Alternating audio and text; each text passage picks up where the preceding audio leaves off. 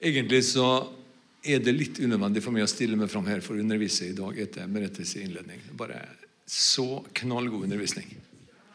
Kjempebra. Men likevel, jeg har forberedt noe som jeg føler at jeg må dele. da. For her er en legger ting på hjertet vårt som skal bæres fram. For noen år siden så tok jeg et treårs bachelorstudie i teologi og menighetsledelse. Og Som 50-åring så var det både interessant og morsomt og krevende. Studiet var interessant, og, og, og den personlige emosjonelle utviklinga var til tider veldig krevende. Og, og samværet med medstudentene, som jo var de fleste av dem halvparten av min alder omtrent, det, det, det var ofte morsomt. Og for eksempel, Disse ungdommene der som, som skulle ta en bachelorgrad i menighetsledelse og liksom være fremtidige pastorer, lovsangsledere, bønneledere. De var så påkobla og de var så fulle av entusiasme og håp og drømmer og pågangsmot. Og så fullstendig blotta for livserfaring. Så det, så det, det kunne være, spennende. Og Enkelte ganger når vi som var eldre enn gjennomsnittet Vi var fire-fem studenter som var liksom 50 pluss. Vi kalte oss sjøl for Eldsterådet. Og, og vi ble, I samtalen så ble vi bedt om å dele litt ifra, av livet og erfaringer. Og, og, og de satt og hørte på meg store øyne. Å, for en tro! For en trosvandring! Og for et liv du har levd! Og jeg synes Det var, altså det som jeg fortalte om, jeg synes det var så voldsomt. For det var livet mitt i delte. Jeg ville bare fortelle om hva Herren hadde gjort i mitt liv. Hva Herren hadde gjort for min familie. Og, Jeg har fundert litt på dette i ettertid. Altså, hva, hva, er tro? Hva er trosvandring? Hvis du vil ha en overskrift i dag, så kan du skrive 'trosvandring'. Eller 'hva er trosvandring'? Jeg er kommet til en slags definisjon, men den skal vente helt til slutt. Jeg tar det, I og med at vi nå har begynt på høyskolen, så tar vi det i den rekkefølge. Først problemstilling, og så eh, dokumentasjon, debatt, og så definisjon til slutt. Konklusjonen da til slutt. Så problemstillinga er satt. Hva er trosvandring? Så begynner vi da på denne drøftelsen. Og Her skal vi se på noen få av de mange mange personene som vi møter i Bibelen. Og hente litt tanker og erfaring fra deg. første vi skal se på, det er Daniel. En del av inspirasjonen dette kommer fra det som Liv Elinor delte for noen uker siden. Om Daniel, at han fortsatte å tilbe sin Gud. Han fortsatte som han alltid hadde gjort. Det er litt tøft.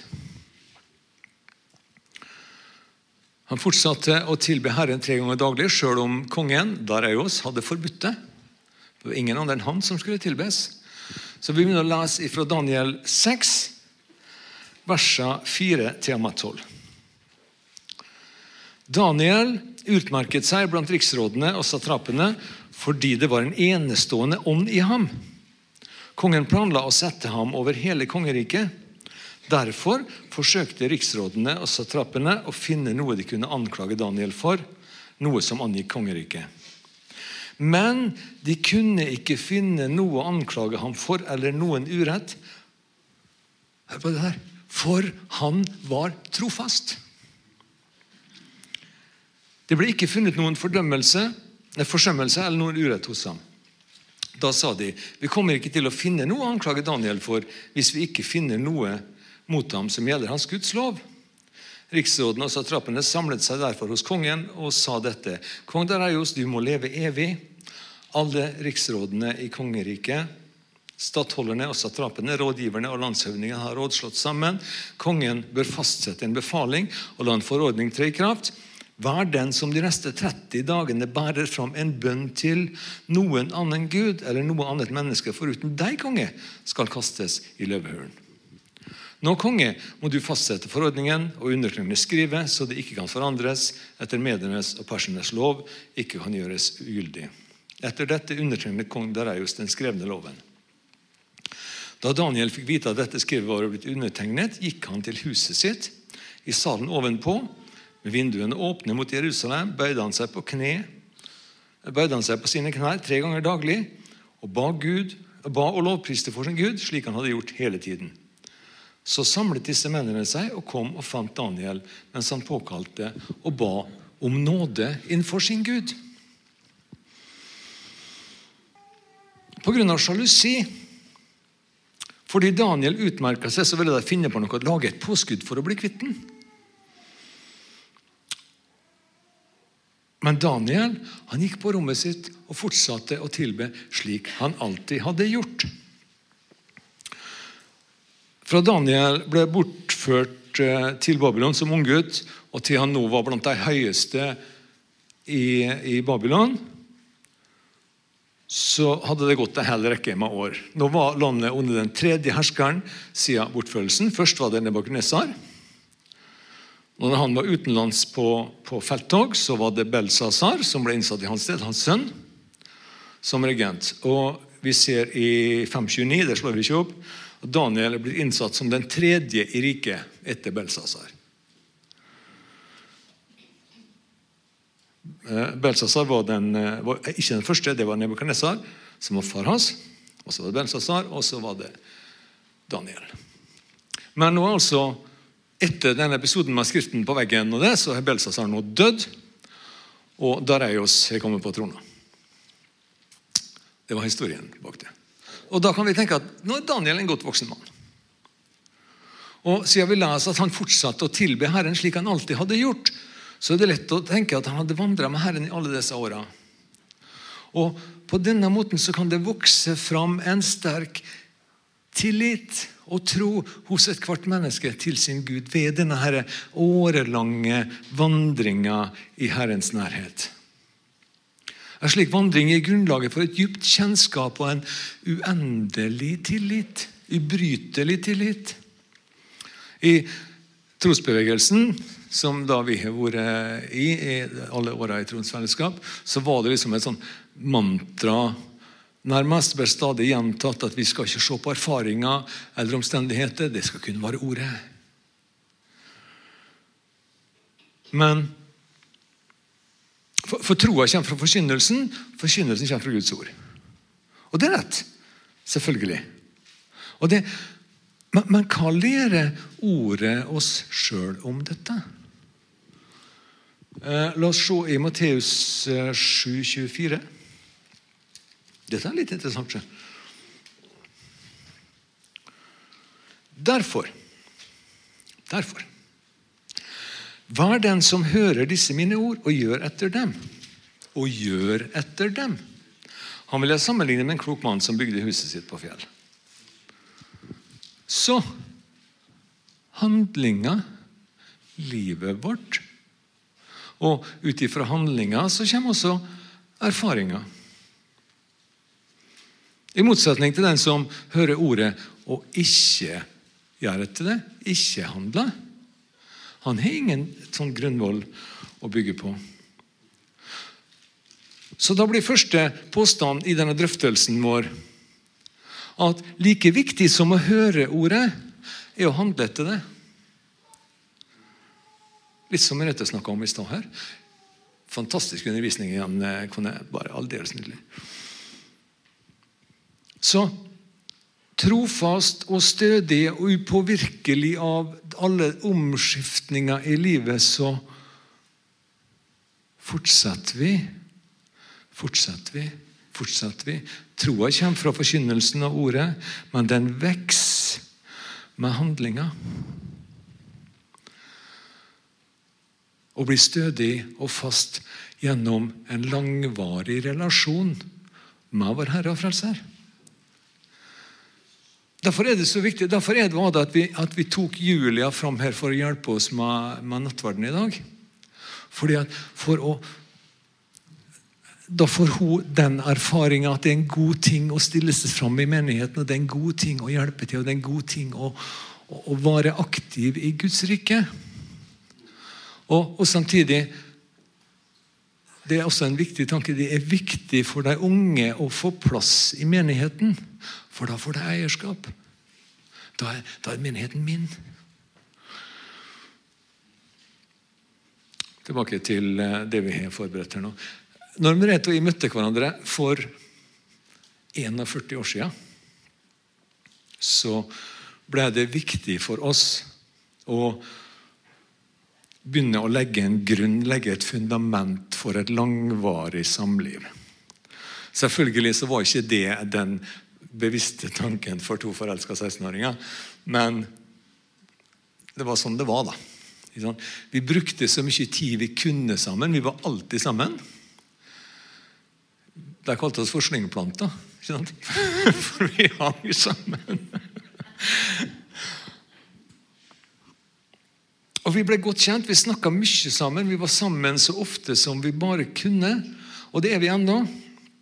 Og jo mer vi var sammen, desto nærmere og, og, desto større ble kjennskapet. Vi ble kjent med hverandre, og ut ifra det kjennskapet så vokste en tillit.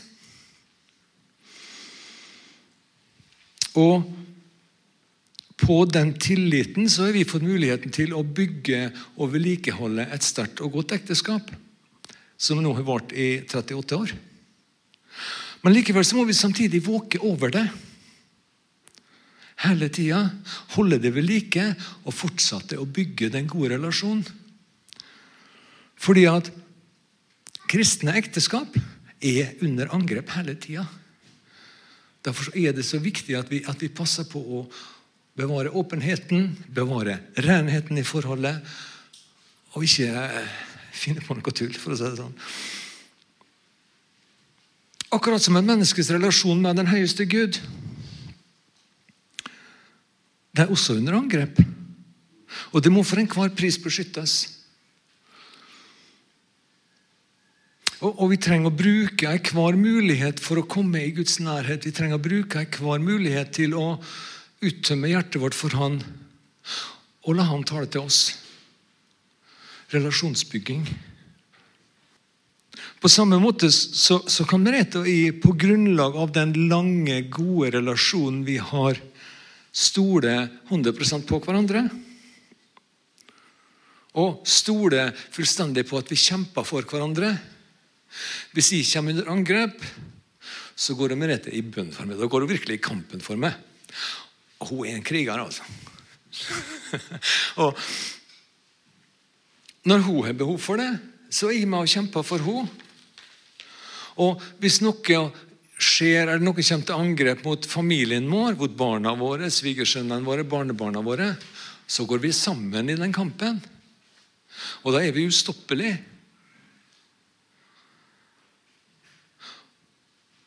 Og slik skal det være. Vi skal kjempe for og med hverandre. Fordi at Fordi at det, det, bygger også tillit. Da kan vi ha den fullstendige tilliten til hverandre. Så Det blir andre påstand i drøftelsen vår.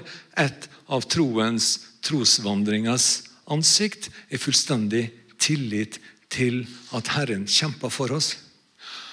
Fordi vi har erfart at han gjør det. Du kan ikke bygge tro på erfaring. Jo, du kan bygge tro på erfaring. I hvert fall delvis.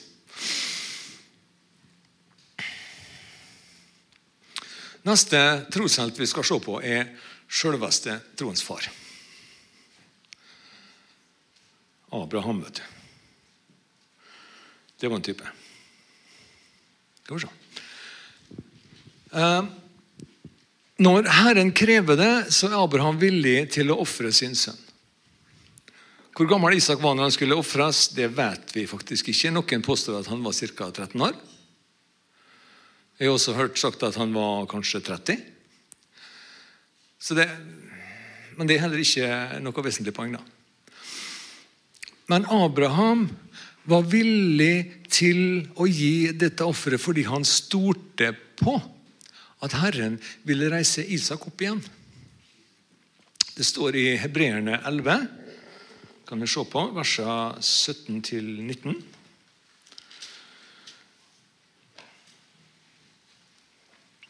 Ved tro bar Abraham fram Isak da han ble satt på prøve. Han som hadde fått løftene, ofret sin enbårne sønn. Om ham ble det sagt i Isak skal din slekt kalles, for han regnet, med, han regnet med at Gud også var mektig til å reise ham opp fra de døde.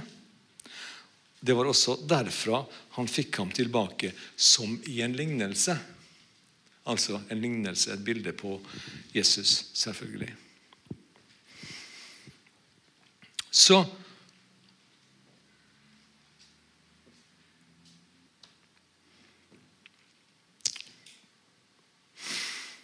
Altså Abraham han går så langt at han binder sønnen sin, legger ham på alteret og løfter kniven. Før Gud stopper han. Så, og, og, fra den fortvilelsen tenker jeg over å måtte ofre sønnen sin Så får Abraham oppleve da lettelsen og gleden med å få han tilbake igjen. Og I tillegg så fikk han enda en gang bekrefta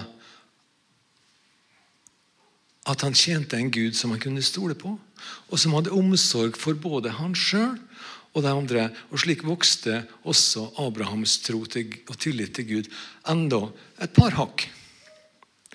Har du, har du tenkt litt på altså Jeg har en tanke som kom med nå litt når jeg holdt på å lese litt om Abraham. To ganger i løpet av livet sitt så ga han vekk kona si, Sara, til andre menn for at de kunne gifte seg med ham fordi han var redd for sitt eget liv. Dette er troens far, folkens. En liten sidetanke. Tenk deg samtalen mellom Abraham og Sara når hun kom tilbake igjen til han. Hva sa hun? Jeg tør ikke engang tenke på hva Merete ville sagt. Jeg hadde nok fått høre et eller annet. Så Abraham, den troende tviler, den, den fruktsomme troens far Hva var din tro, Abraham? Hva er det som vitner om din tro? Når Lot hadde forlatt Abraham og slo seg til i Sodoma, solgte alt feet sitt og kanskje kjøpte seg en ærefull plass i byporten. Der, eh, altså det som skjedde i byporten, det var litt sånn kommunestyret. Der var det avgjørelser ble tatt, der ble kontrakter undertegna, der ble avtaler inngått. Og der var det liksom de store som fikk sitte.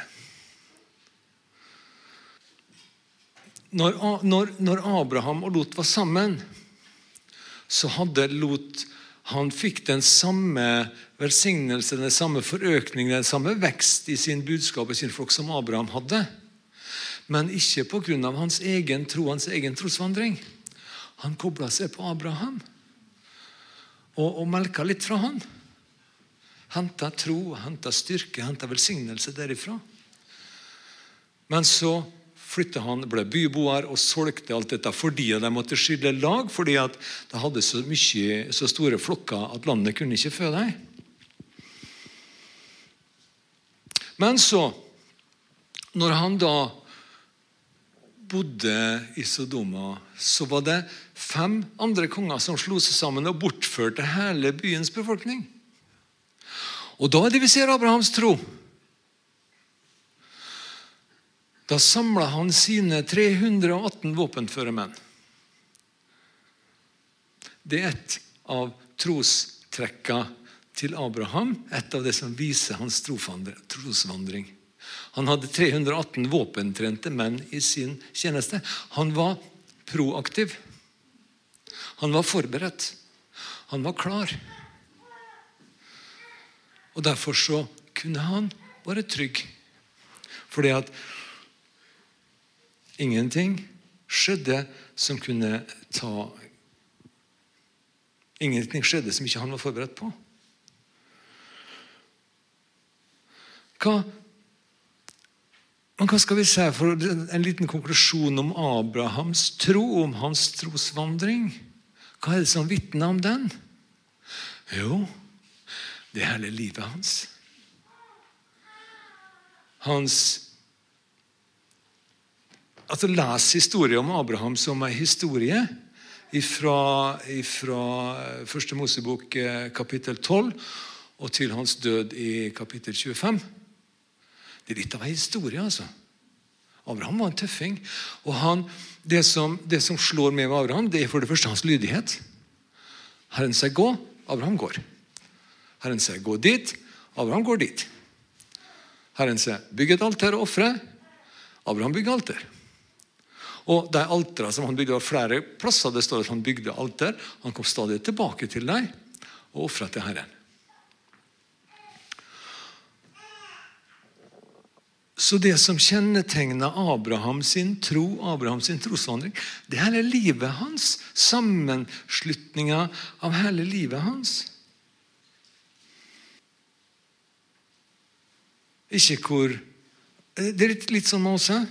Det, det livet vi lever, som vitner om troa vår, om trosvandringa vår. Ikke hvor trofast vi er på søndagsmøtet, eller hvor fint og pyntelig vi sitter, eller alle de fine ordene vi ser. Men det er livet vårt. Måten vi lever på. Vi tar med oss en til av disse her tøffingene fra Gammeltestamentet. Noah. Han var en herlig fyr. vet du. Da går vi til Første Mosebok kapittel 6 og vers 9. Dette er Noas slektsbok. Noah var en rettferdig mann. Ulastelig blant sine samtidige. Noah vandret med Gud. Og Her er det rett å tenke at Noah ble regna som rettferdig fordi han vandra med Gud og ble regna som ulastelig blant sine samtidige. Men er det ikke lett for oss av å tenke sånn? Når vi ser Merete som har sånn omsorg for sine Det er rusmisbrukerne. De må løse med hans sitt fokusområde. At å, hun er en god person, hun er et godt menneske, hun har sånn omsorg for deg. er det ikke lett for at vi bedømmer eller dømmer andre ut ifra det vi ser. Den som gjør godt, ser vi på som en god person, som en rettferdig. Den som ikke kanskje gjør så mye godt i det synlige, tenker vi at han der han er jo kanskje så som så. Men tilbake til noen. da. Hvis vi går hopper et vers tilbake og, og ser første Mosebok 6, 8, så står det Men Noah fant nåde for Herrens øyne. Derfor var Noah en rettferdig mann. Han hadde fått nåde fra Gud.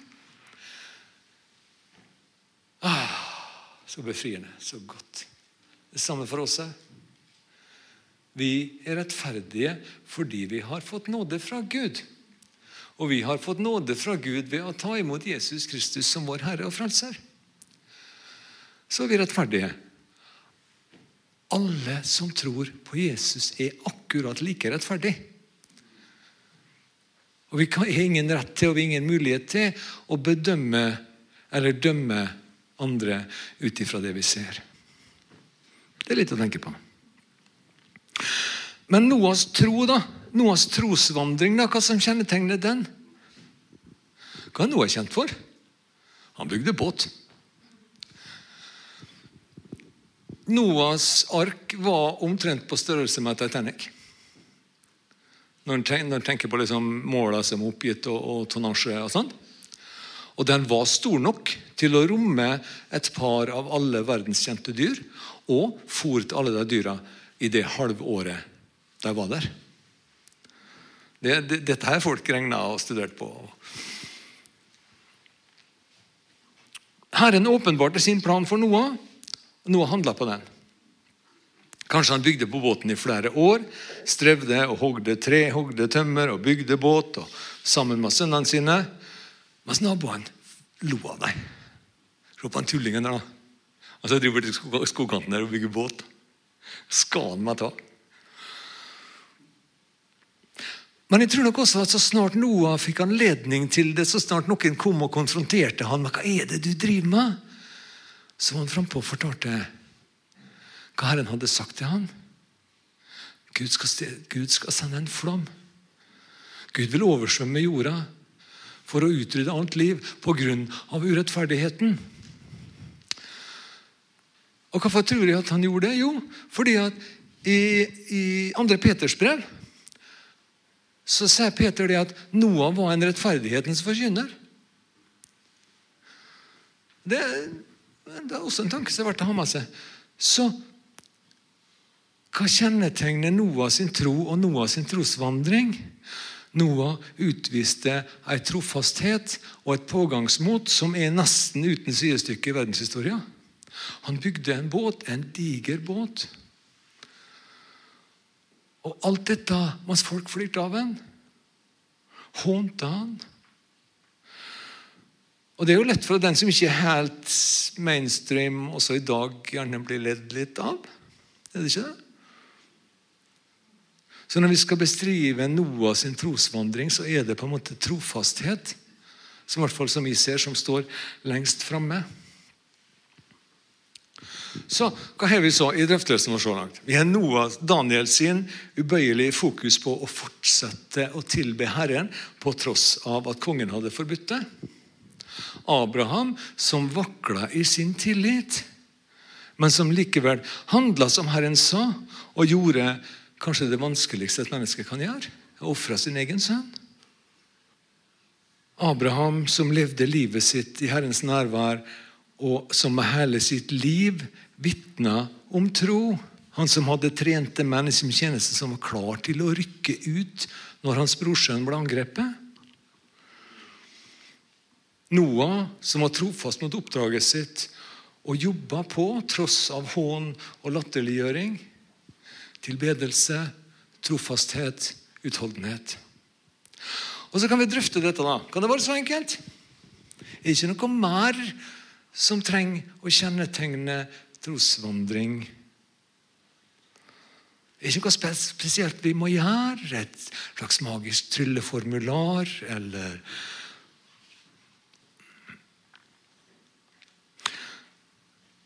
For det er mange, det er så mange måter å tenke om dette med trosvandring på.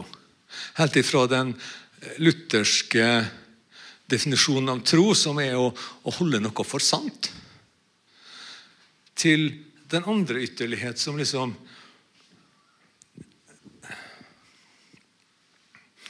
hevder at, at eh, det, det, er bare å tro, så vil Gud ordne opp. Også. Noen sier at å tro er å handle på Guds ord. Mange har lyst til å gjøre tro til noe sånn spektakulært og beundringsverdig som alle må se opp til. og skulle han hatt et trinn til så liksom alle kan se hvor stor jeg er, hvor mye tro jeg er. Se hva jeg har gjort. Men det er ikke helt sånn heller.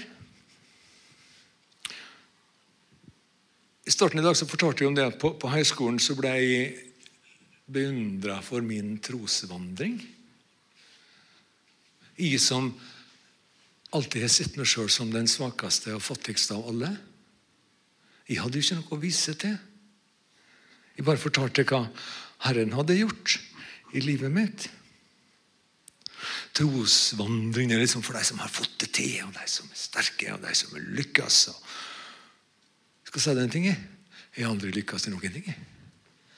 Aldri fått til noe. I hvert fall ikke i dette området, som jeg sjøl kjenner. Ikke en eneste dag har jeg kjent på eller følt på eller prøvd å utøve ei sterk tro. Men jeg har vandra med Herren. Jeg har gått tett med Han hver eneste dag i alle år. Og jeg har handla på hver situasjon jeg har møtt, så har jeg måttet handle ut ifra min kjennskap til Gud. Det er kanskje litt ikke proaktivt, men reaktivt. Men dog. Slik har livet vært. Når vi skal se i Guds ord om tro, så er det spesielt to vers som blir veldig mye brukt. En er Hebreerne 11,6, som sier at tro er full visshet om det som håpes, overbevisning om det som ikke kan sees. Og Jakob 2, vers 14-20, som sier at troa er død uten gjerninger.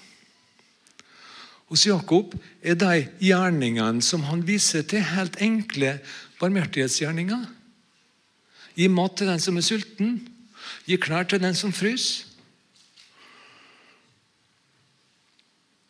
Den helt konkrete, ordrette betydninga i den teksten.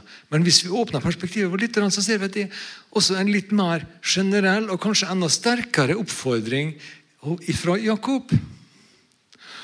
Jakob var Jesu halvbror. Han var leder i menigheten i Jerusalem. Og han sier med dette her Sett handling bak dine ord. Gjør som du sier. Ikke bare prat, men gjør det.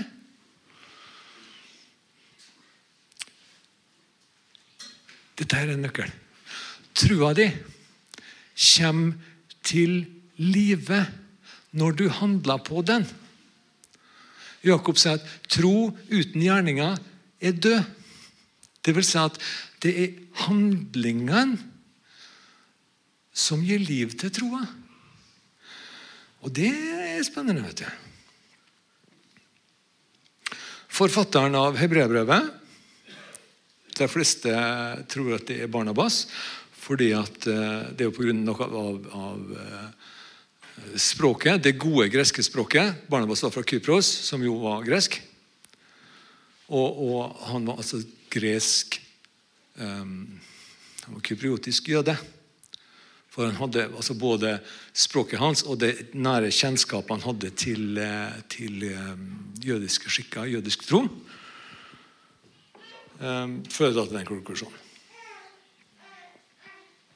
Og Han sier da at, at, at, tro er full visshet om det som håpes. Men hva er dette håpet da, som vi har full visshet om?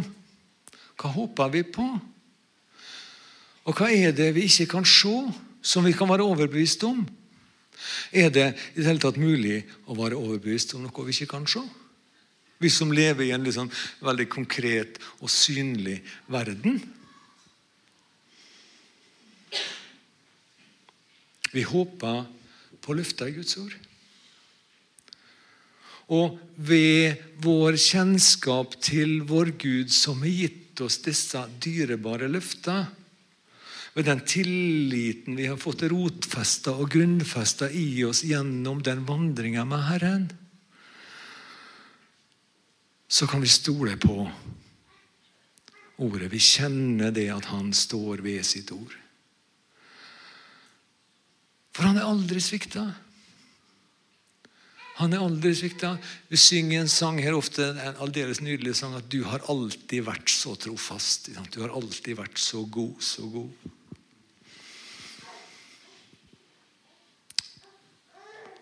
Vi ser det ikke når vi kommer opp i en krevende situasjon, men vi, da kan vi bare stole på det han sier overbevist om det vi ikke kan se, ikke kan se. Fordi vi har kjent Han, og fordi vi kjenner Han, så vet vi at Han står fast og trofast ved sitt ord. Og så nærmer vi oss avslutning. Og I begynnelsen så lovte jeg at de skulle dele definisjonen av tro og trosvandring som jeg har kommet fram til. Jeg skal absolutt ikke være på stand og påstå at det er den eneste riktige definisjonen, og sånn er det. For Gud arbeider, og Guds ord arbeider med hver enkelt person på en individuell måte. Du ser ting i ordet som jeg ikke har sett, og jeg ser ting i ordet som kanskje du ikke har sett. Og Gud har noe spesielt for hver enkelt i enhver situasjon vi kommer i. For, for, for Sjøl i Guds rike så er det ikke så mange absolutter som vi kanskje kunne ønske. At Gud skapte verden, Gud skapte mennesker, selvfølgelig, det er en absolutt. At Gud sendte sin sønn for vår frelse og for å gjenopprette relasjonen mellom oss og han, Selvfølgelig. Det er en absolutt. Det, det, det er helt udiskutabelt. At mennesket synda, forlot Gud Ja da, absolutt. Men Og alle Guds løfter Absolutt. De står fast til evig tid. Gud bryter aldri et løfte. Men det Herren arbeider med i ethvert menneske, det er individuelt. Min trosvandring, i den grad mitt liv kan kalles en trosvandring, er ganske enkelt dette. Jeg vandrer med Gud i år etter år. Jeg har opplevd hans trofasthet. Jeg har fått leve i Guds nåde i alle disse åra siden jeg ble frelst i 1982, f.eks. Og en vesentlig del av denne trosvandringa er handling. Og Her er en av de viktigste nøklene jeg har funnet til disse, dette dagliglivet med Herren.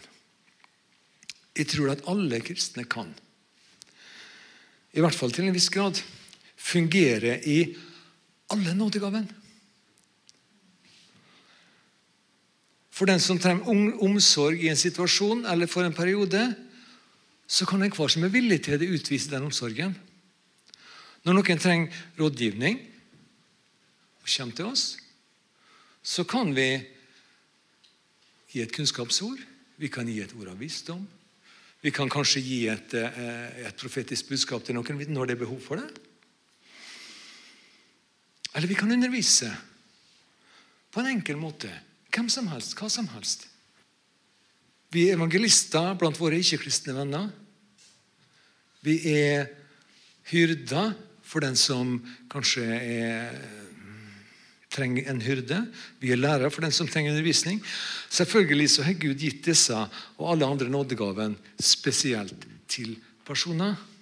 Men ut ifra situasjonen og behov så kan vi alle troende fungere i dem til en viss grad.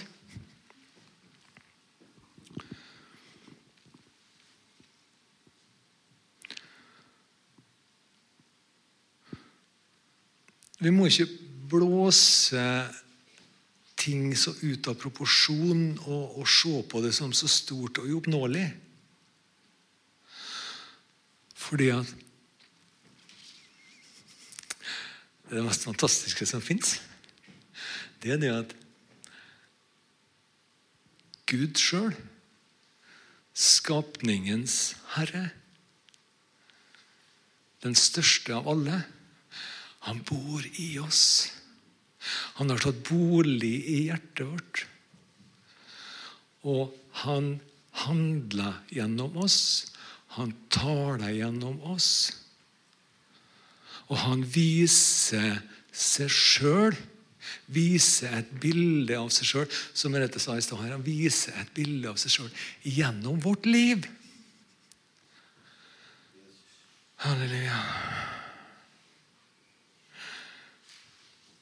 Det, jeg tror Noe av det viktigste vi kan gjøre for å på en måte være en demonstrasjon av denne trosvandringa, det er å, sette oss sjøl litt til side. Ikke være så opphengt i vårt eget ego, men sjøl ta et skritt tilbake og la Han få ta La Han få komme fram. Overgivelse. Kanskje til en viss grad sjølfornektelse. Jeg lever ikke lenger sjøl, men Kristus lever i meg, sier Paulus. Og dette Kristuslivet det er ikke sjølsentrert. Vi lever ikke for oss sjøl, vi lever for andre, for å leve det mennesket til Jesus. For å på alle mulige måter vi, vi kan vise hvem Jesus er. Og vi er innstilt på å gå så langt som mulig for å oppnå dette målet. Om vi bare kan, vi bare kan dra én person inn i et kjennskap med Jesus Kristus, så er det verdt alt. For hva gagner det et menneske om man vinner hele verden, men tar skade på sin sjel?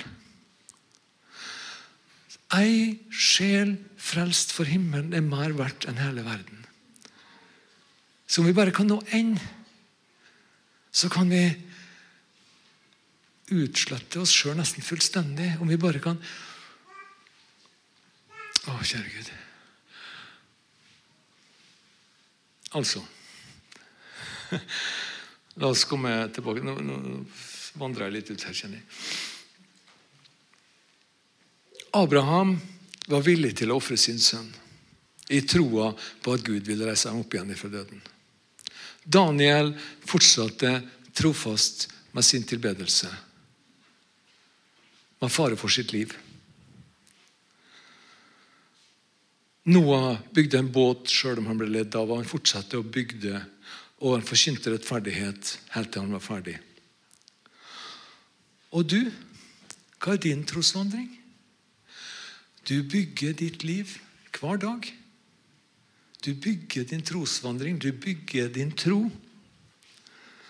Trofast, slik du alltid har gjort det, så vandrer du din trosvandring hver dag. Kjære far.